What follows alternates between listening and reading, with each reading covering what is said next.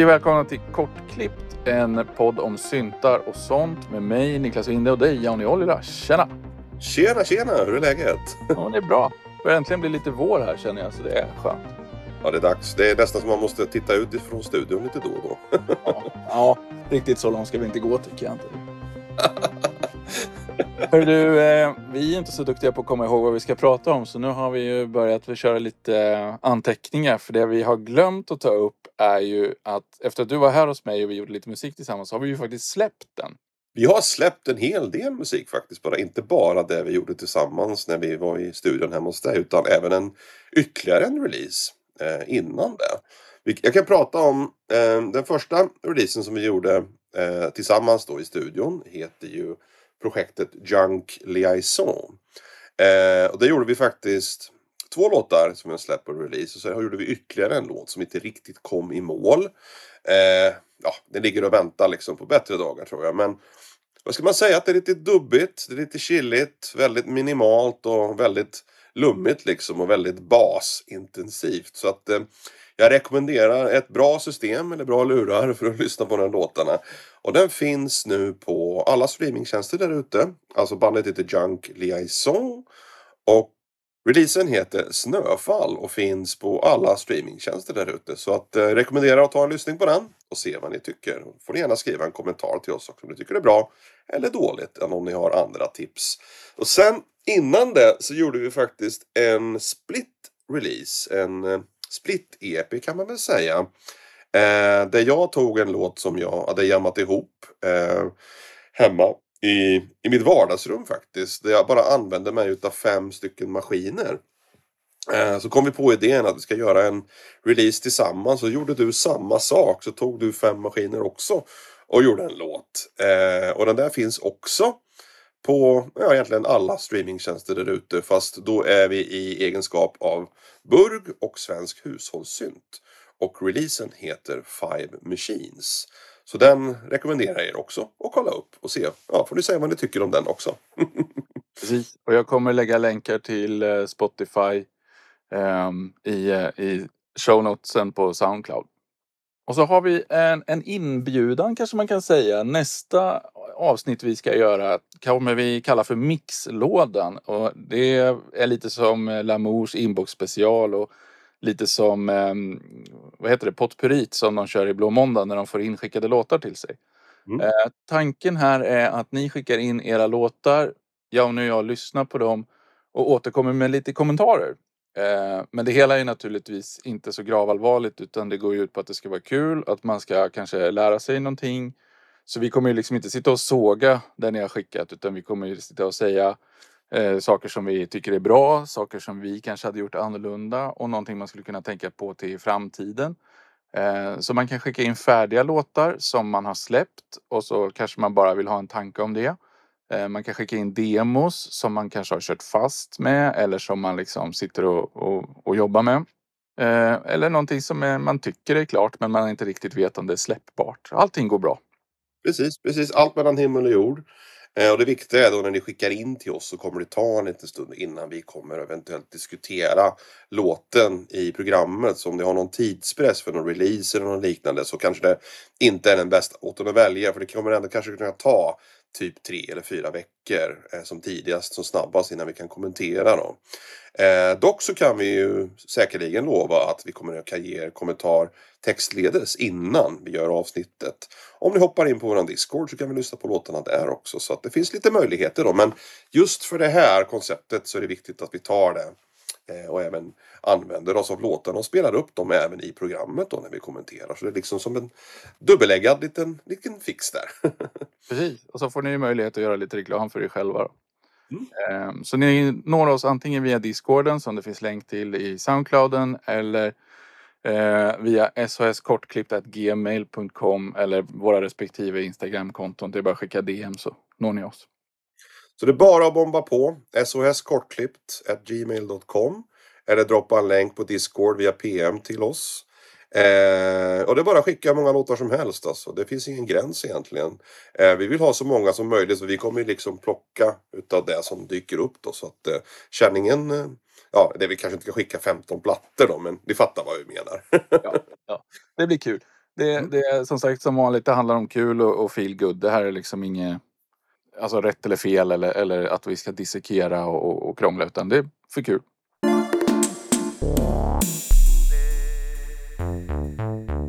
Och eh, som lite uppvärmning då, då till eh, nästa avsnitt som, som blir mixlådan då så kommer eh, lite tankar allmänt då kring mixning. Vi har varit inne på det förut men idag tänkte vi gå igenom och, och liksom köra en sån här eh, fem snabba, höll jag på att säga, fem bra tips liksom för, för ja, just mixning då. Eh, och vi tänkte börja då med hur jag tänker och hur jag funkar. Och sen ska Jauni dra lite sköna anekdoter från förr i tiden. när han mixade med stora analoga bord och, och sådär. Right, så mina fem pro-tips för bättre mixar är som följer. Nummer ett är man ska åtgärda fel. Man ska, man ska tänka sig sin mix som att den har brister och så ska man åtgärda fel tills det, blir, tills det inte finns några fel kvar. Men man ska bara åtgärda de fel man hör. Man ska inte hålla på och leta efter fel. Jag har sett folk eh, på Youtube sitta och svepa med EQn för att hitta resonansfrekvenser och sen så lägger de en jättevass bällkurva som skär 8-10 dB just där det är som mest resonans. Det bara dödar mixarna och så, så har man skapat en massa jobb som man inte behövde göra. Det är helt onödigt. Skit i det. Ta, ta hand om det du hör först. Och sen om det visar sig att det är någonting som du inte riktigt hör, då kan du börja använda andra sätt att leta rätt på det. Ja, Fasfel kan vara en sån här sak som är, är bra att använda verktyg för att se och visualisera. För fasfel brukar man ofta kunna liksom känna på sig att det är någonting som inte riktigt stämmer här med fasen. Eller kanske med fasen, jag vet inte riktigt vad det är. Då kan man lägga på ett fasverktyg och då finns det ju så här gratis. Voxen Go har en. Eller om man, hur man nu uttalar det. Eh, som är väldigt bra till det. Så det, det är mitt första tips. Mitt andra tips är att jobba iterativt och byta område ofta. Att inte fastna vid en punkt alldeles för länge. Att sitta och tweaka kicken tills den låter helt perfekt i solo är bara slöseri med tid. Utan om, om kicken låter lite klen så höj den lite då och sen så går du över till något annat och sen så kommer du tillbaka till kicken efter en stund. Och så, när, så att du hela tiden bygger upp mixen brett så att säga. Så att du liksom bygger alla tracks nästan samtidigt. Istället för att fokusera på en skit länge. Det kommer aldrig funka utan byt ofta och kom gärna tillbaka. Liksom. Jag brukar ofta använda en kompressor för att höja volymen också. Så inte, man måste inte alltid köra med reglar utan, eller ja, alltså jag kör inte alltid med volymregeln för att höja volymen utan ibland använder jag en kompressor för att bara liksom dutta upp den lite, lite grann. Um, och då använder jag korvpressor från Klevgren som har en inbyggd maximizer. Så den, den funkar jävligt skumt för den har en, en squeeze-parameter som är någon slags variant av tröskelvärde. Men det spelar ingen roll hur svag insignalen är för den här squeeze-grunkan börjar jobba på en gång. Så att om du bara drar ner squeezen kanske en och en halv, två dB så kommer du lyfta hela spåret motsvarande mängd på något märkligt sätt. Eh, utan att den egentligen höjer volymen så där jättemycket. Den bara liksom lite grann lyfter den på något sätt.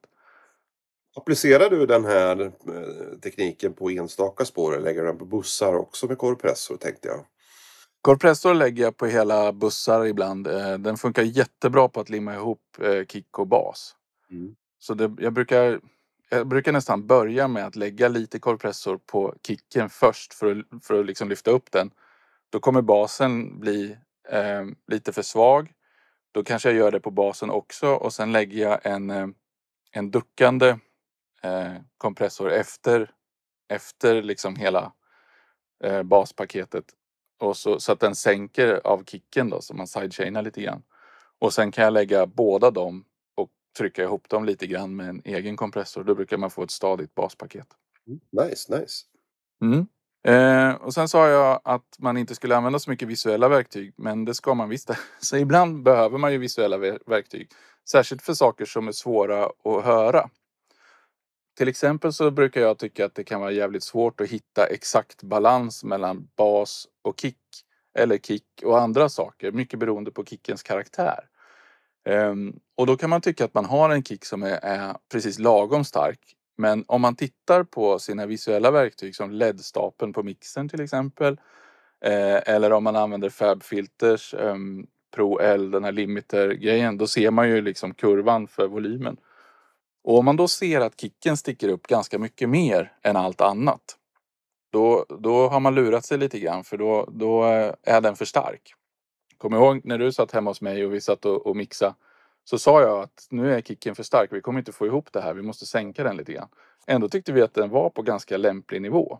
Ja, det var väldigt, väldigt lustigt faktiskt. Eh, så att jag vet inte. Det blir väl just när det är ett märkligt samspel mellan olika ljud så är det väldigt svårt att höra vilket som är det dominanta. Och då är det visuella verktyg extremt viktigt. Mm. Tror jag. Det är någonting som jag lärt mig genom åren. Men jag föredrar alltid att lyssna först. Och sen så kontrollerar jag med visuella verktyg om det jag lyssnade på var rätt eller fel. Liksom. Då lär jag mig någonting samtidigt också. Ja, exakt. Och så jag menar, bara för att, bara för att det ser konstigt ut på en kurva behöver det inte betyda att det låter konstigt. Så att man får ju lita på öronen först. Men, men om man tycker det låter bra och sen så börjar man liksom mastra och man börjar pressa det lite grann. Man börjar köra en liten limiter så märker man att limitern klipper kicken skithårt och det börjar dista innan man liksom har fått upp trycket som man vill. Då, då är ju kicken för stark från början. Så bör man liksom baka in det lite i paketet. Mm. Det känns som att jag pratar väldigt fort där för nu kommer vi redan till mitt eh, femte och sista tips. Och det är det här att eh, lite kommer man väldigt långt med. Så att när mixen börjar sätta sig och man har liksom allting på plats så är det små, små, små justeringar hela tiden som, som gör den sista lilla grejen. Så att det har hänt att jag har sänkt ett, ett spår en halv eller en hel dB bara. Och då har det satt sig precis i mixen. Sen beror det ju lite grann på vad man är ute efter. Om man vill ha, alltså jag vet att Lisa i Blå Måndag vill gärna ha något element i mixen som sticker ut. Liksom, och, och, och, låter. och det är ofta så i vissa syntlåtar. Men i andra låtar då, där man vill ha en annan typ av balans eller om man liksom vill ha, ja jag vet inte, en lite mer jämn ljudbild kanske. Då, då eh, är det viktigt att, att liksom sätta det lite försiktigt och, och liksom hitta precis rätt så att pusselbitarna ramlar på plats. Och då är det viktigt att vara försiktig och liksom bara ta någon decibel i taget. Liksom. Alltså, det, jag håller med 100 procent. Det är jätteviktigt. Alltså små eh, förändringar egentligen som man nästan inte hör direkt när man skruvar. Och det, det där är ju eh, en halv dB hit och en halv en dB hit, dit, hit och dit. Det, ibland så känner man det inte ens i liksom lyssningsnivån. Men när man väl tar det i kontext med de, alla, de, an, de andra ljuden som man har i projektet. Det förstår de här skillnaderna liksom blir mycket större. Eh, så det, jag tycker det är väldigt, väldigt viktigt. Jag tycker om att liksom sitta och pilla med reglar flera stycken åt gången. Och flytta vissa ljud framåt i ljudbilden, bakåt i ljudbilden och se vad som händer med den övergripande känslan i låten. Och det där kan jag sitta timtal med ibland. Mm. Och jag tror att det är jättebra att göra som du säger, att man testar sig fram. För att när man sitter och jobbar så är det inte säkert att man vet. Och, och, och liksom att man i huvudet kan höra att ja, men den här saken måste flyttas åt ena hållet. Så sitt gärna och prova lite så här. Det är väl ett bonustips då. Absolut. Jag har ju extremt komplexa låtar eh, i, i både MZ412 och Ulvtarm eh, projekten som jag kör. Där mångt och mycket av, av alla spåren är extremt sönderdistade saker. Eh, och jag får sitta väldigt länge liksom för att hitta nivåerna på hur funkar de här två extremt distade ljuden ihop med varandra. Alltså först hur funkar de själva och hur funkar de sen i projektet tillsammans. När det sker liksom olika saker då med antagligen någon form av interpolation, jag har ingen aning. Men någonting händer när man flyttar omkring på ljud och, och framförallt då när man börjar skära med EQ istället för att liksom flytta ljud i ljudbilden. Eller som du säger, använda kompressor. Så har man andra möjligheter än att bara använda reglar För man, jag brukar tänka liksom att varje regel är typ en liter. Så har du 10 liter i hinken så kan du använda fyra regler på max och sen är det fullt. Och det är lite grann så en mix funkar också. Du kan liksom inte dra alla regler upp. Allting kan inte låta lika mycket hela tiden. Så då får man ju välja då att man får skära bort vissa delar av sin informationen i, i det materialet för att de ska kunna samspela bättre i en mix.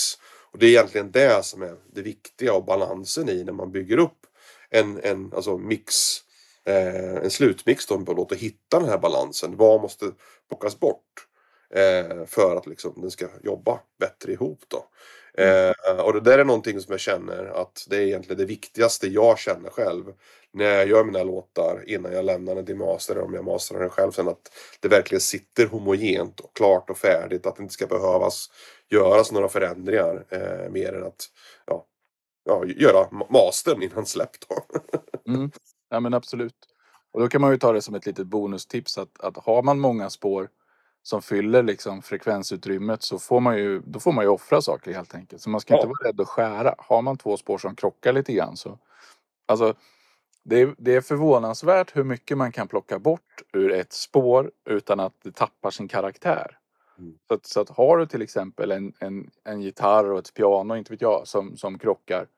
Ja men välj, säg att de krockar på tre frekvensområden. Då, då tar du liksom två av dem och så skär du ur pianot på dem. Och så tar du det andra och skär ur gitarren. Då kommer det liksom de samsas väldigt, väldigt mycket bättre i ljudbilden. Och det kommer fortfarande, det kommer ännu tydligare att höra att här är en gitarr och här är ett piano.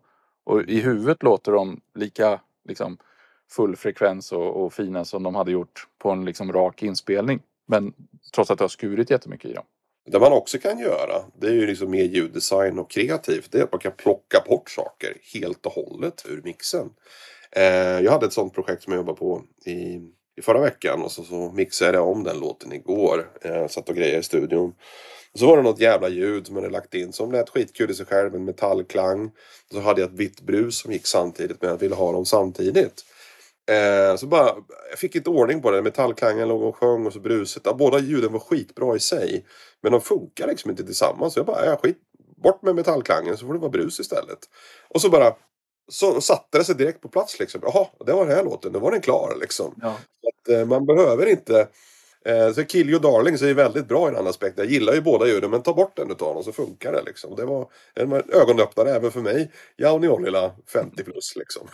ja men ibland får man göra sådär. Eller man får helt enkelt inse att, att allt man vill ha med kanske inte funkar just. Man kan inte liksom ha allting. Eh, sen har jag ett bonustips. Eh, men det har ju säkert många redan lurat ut. Men, men det finns ju alltid sådana här Youtube-videos med eh, när jag lärde mig det här tricket så, så blev mina mixar fantastiskt mycket bättre. Nu gör jag alltid så här. Undvik dem. Skit i dem. Spendera inte tid på att kolla på de filmerna. För så här alltid och aldrig tips. Alltså det här är en konstform. Man måste ju anpassa sig till varje tillfälle, varje låt, varje grej man gör. Det blir olika liksom. Och jag menar, folk som säger att de sitter och skär allting som inte är bas. Un, liksom, de skär allting under 150 hertz eller 120 eller någonting. Ifall det inte är ett basinstrument då ska det inte finnas någon information där. Men en dag så skär de något instrument som faktiskt skulle ha information där. Och så, så sabbar de hela känslan i låten. Eh, så, så att det där, sådana där alltid aldrig grejer. Fan, gör ingenting förrän det blir ett problem. Nej, precis. Det, alltså, jag hade ju en filosofi eh, i början när jag började göra en burg. Att jag rörde inte min EQ överhuvudtaget på någon utav syntarna. Utan jag jobbade så mycket jag kunde med att bygga ljuddesign med rätt filter, typ rätt tonhöjd och sånt där. Eh, för att låten skulle funka ihop.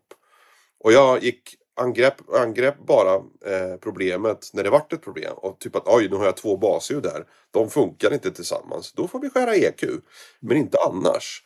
Och gör man på det sättet också så kan man bygga mer luft i sina låtar genom att man tillåter sig inte ha så många ljud som går samtidigt. Så istället för att kanske ha fem syntar som smattrar en sextondels bas så kanske man bara har två. Eh, på det sättet skapar man utrymme och möjlighet att göra olika alltså kreativa val i låten också istället. Då.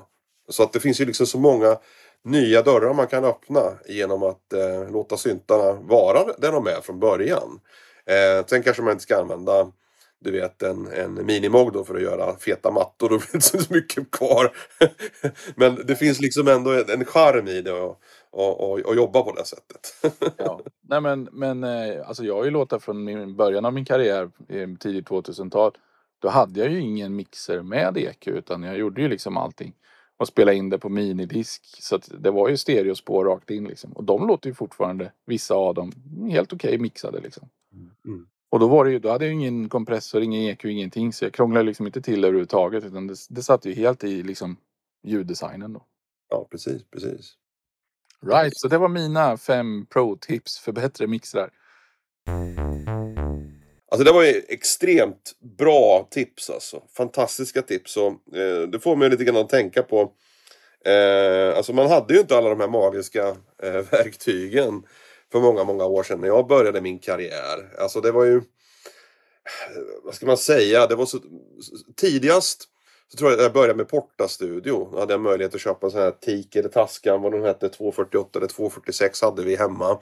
Då hade man ju fyra kanaler så det var ju så här man fick ju spela in sitt instrument och sen så var det klart. Så man kan liksom inte gå in efterhand och redigera ljuden annat än att bara addera mer och mer ljud på varandra genom att bouncea liksom instrumenten. Så det svåra var ju inte att mixa utan det svåra var ju att hitta, hitta tekniker för att vad är det jag måste spela in först? För att jag liksom ska få så lite eh, alltså, eh, signalförlust som möjligt egentligen på materialet. Så trummor och bas var ju faktiskt någonting som var ex exceptionellt bra att börja med.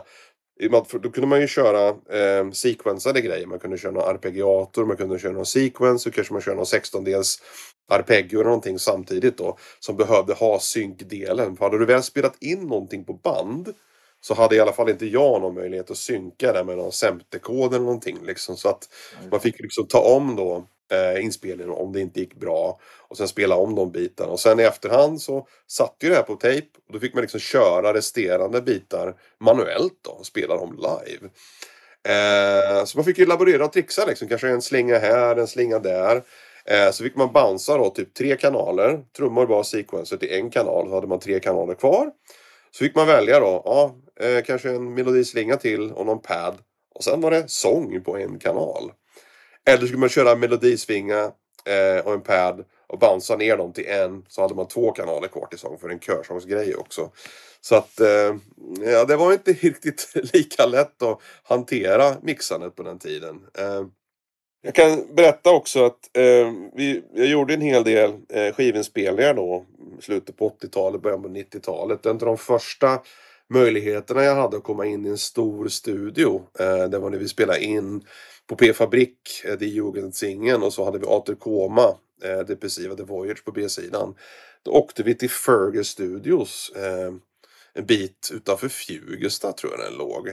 En kompis Jörgen, Jörgen Larsson han gick någon ljudteknik, ljudteknikerskola där.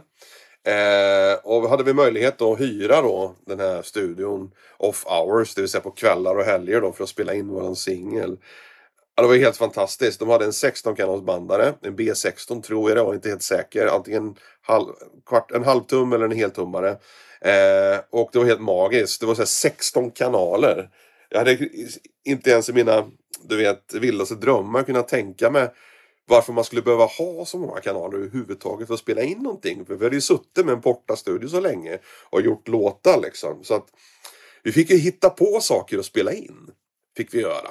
Eh, typ att, ah men har vi en basgång här så Leif. Uh, en bas här. Så kör vi den en gång till med en annan synt. Ah, så tar vi en tredje synt och kör vi den så skär vi lite grann i EQ och filter. Så spelar vi in liksom samma basljud egentligen flera gånger med olika instrument. Det var egentligen på det sättet som det här klassiska på P-basljudet föddes. Man körde layers med, med Roland S10 och, och eh, vad var det, Prophet Pro One och det var tror det var en Mog Prodigy också som vi använde eh, på den tiden. Ja, det var ju fantastiskt kul eh, att ha den möjligheten. Så det var väldigt, väldigt fränt. Jag tror att begränsningar på sätt och vis skapar ju eh, idéer och kreativa utlopp. Men även när du har större möjligheter som vi kände då att 16 kanaler egentligen 4 kanalsporter var helt fantastiskt kul. Men eh, ja, precis. Och sen när man bouncear ner det där, då blir det sound on sound. Så då blir det liksom ihopmixat och förstört. Så då får du göra om från början då om du ska... Yes, yes, precis. Så det där är ju riktigt, riktigt bökigt alltså. Eh, men det var ju, hade, hade sin charm. Jag tror inte jag, jag har släppt någon skiva eh, från Fyrkanalsporta. Jag har massvis med kassettband som ligger i någon låda någonstans. Så att jag ska nog köpa en portabandspelare någon gång och gräva igenom den där guldgruvan. Men eh, det hade ju sin charm ändå.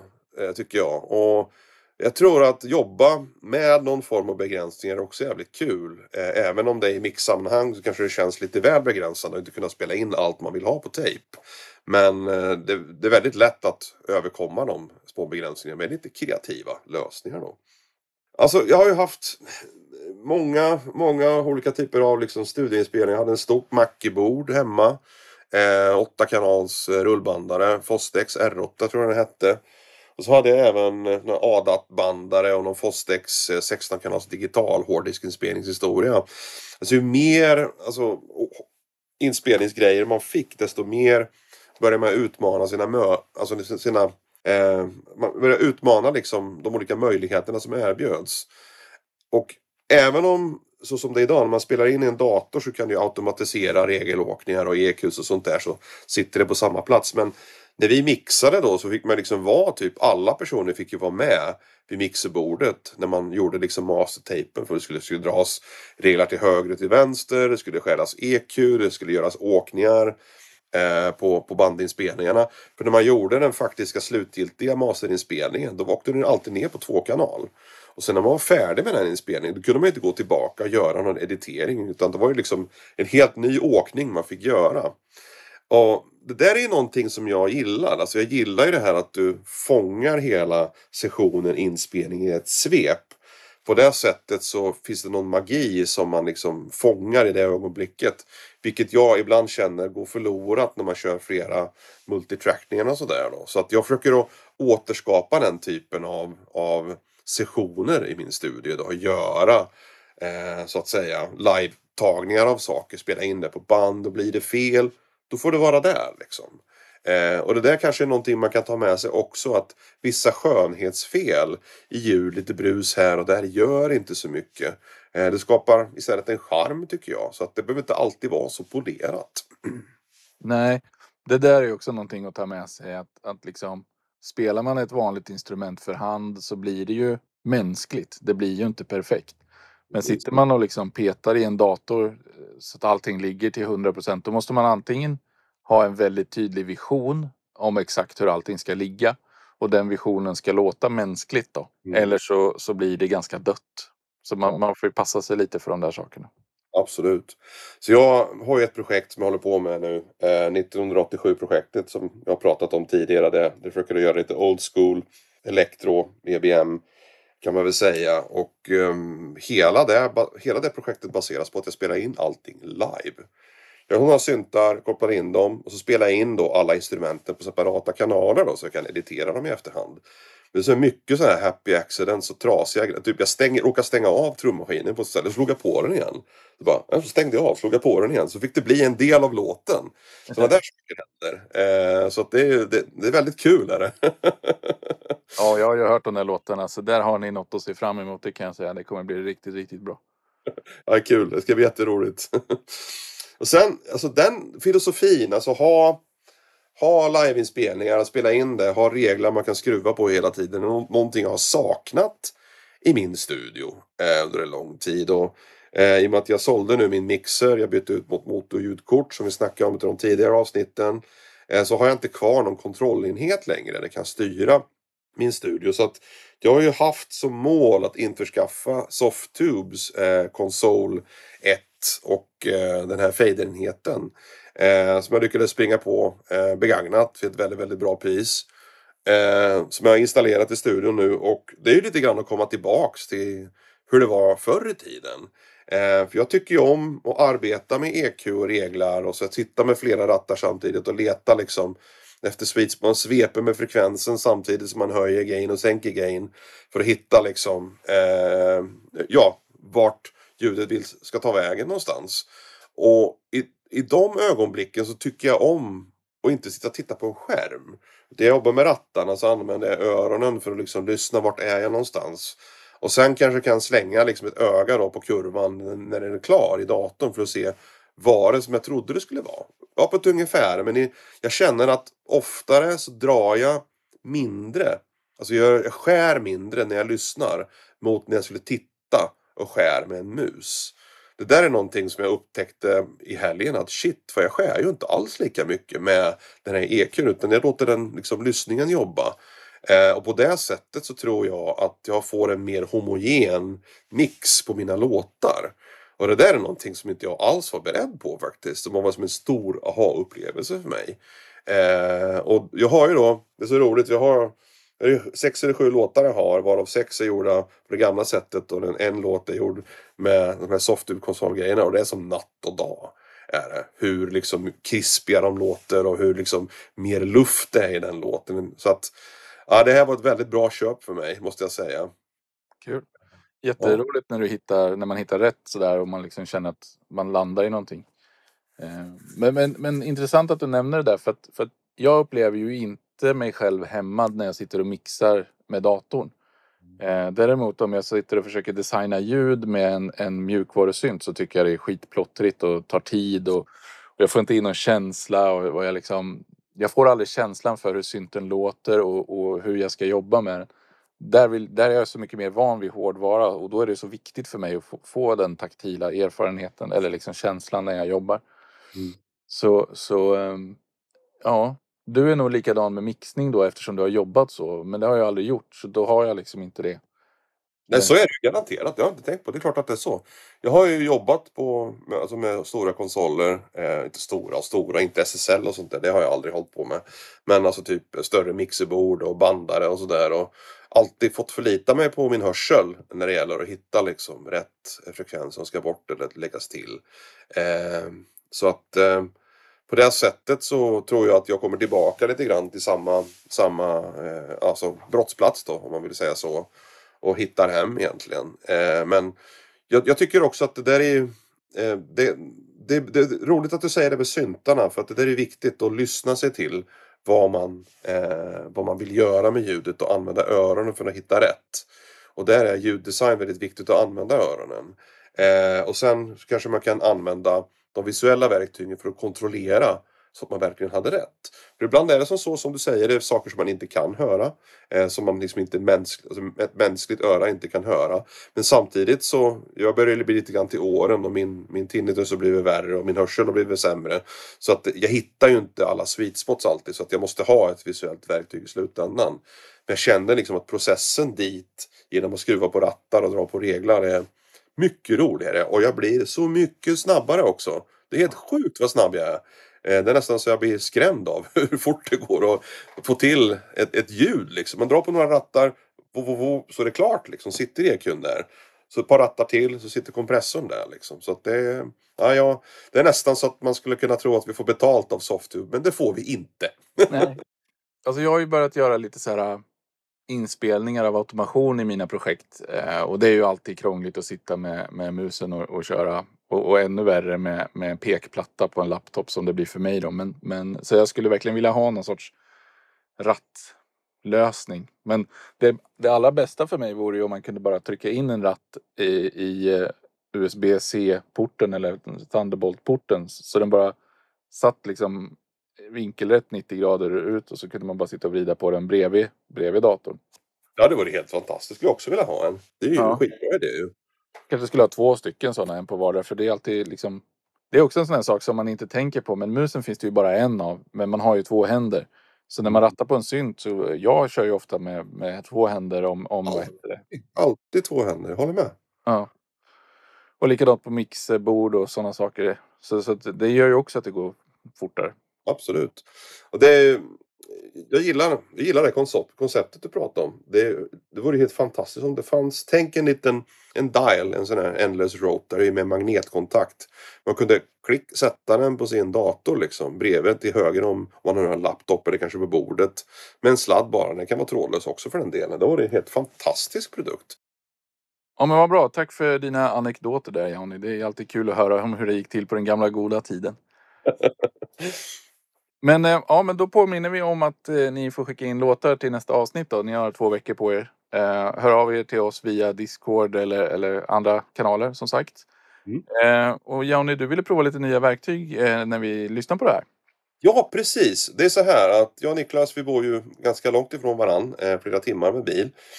Så vi hade som plan att antingen testa då ett program som heter Sonobus det är alltså en ljudbuss som funkar antingen som standalone direkt i en dator eller som en VST-plugin som man kan koppla in i sin dator då. Så kan man dela ljud då med väldigt hög kvalitet och låg latency mellan två stycken locations. Eh, och det är en fantastiskt kul grej tänkte jag. Då skulle vi kunna sitta på varsin ände och lyssna på de här låtarna samtidigt och kommentera och ha idéer.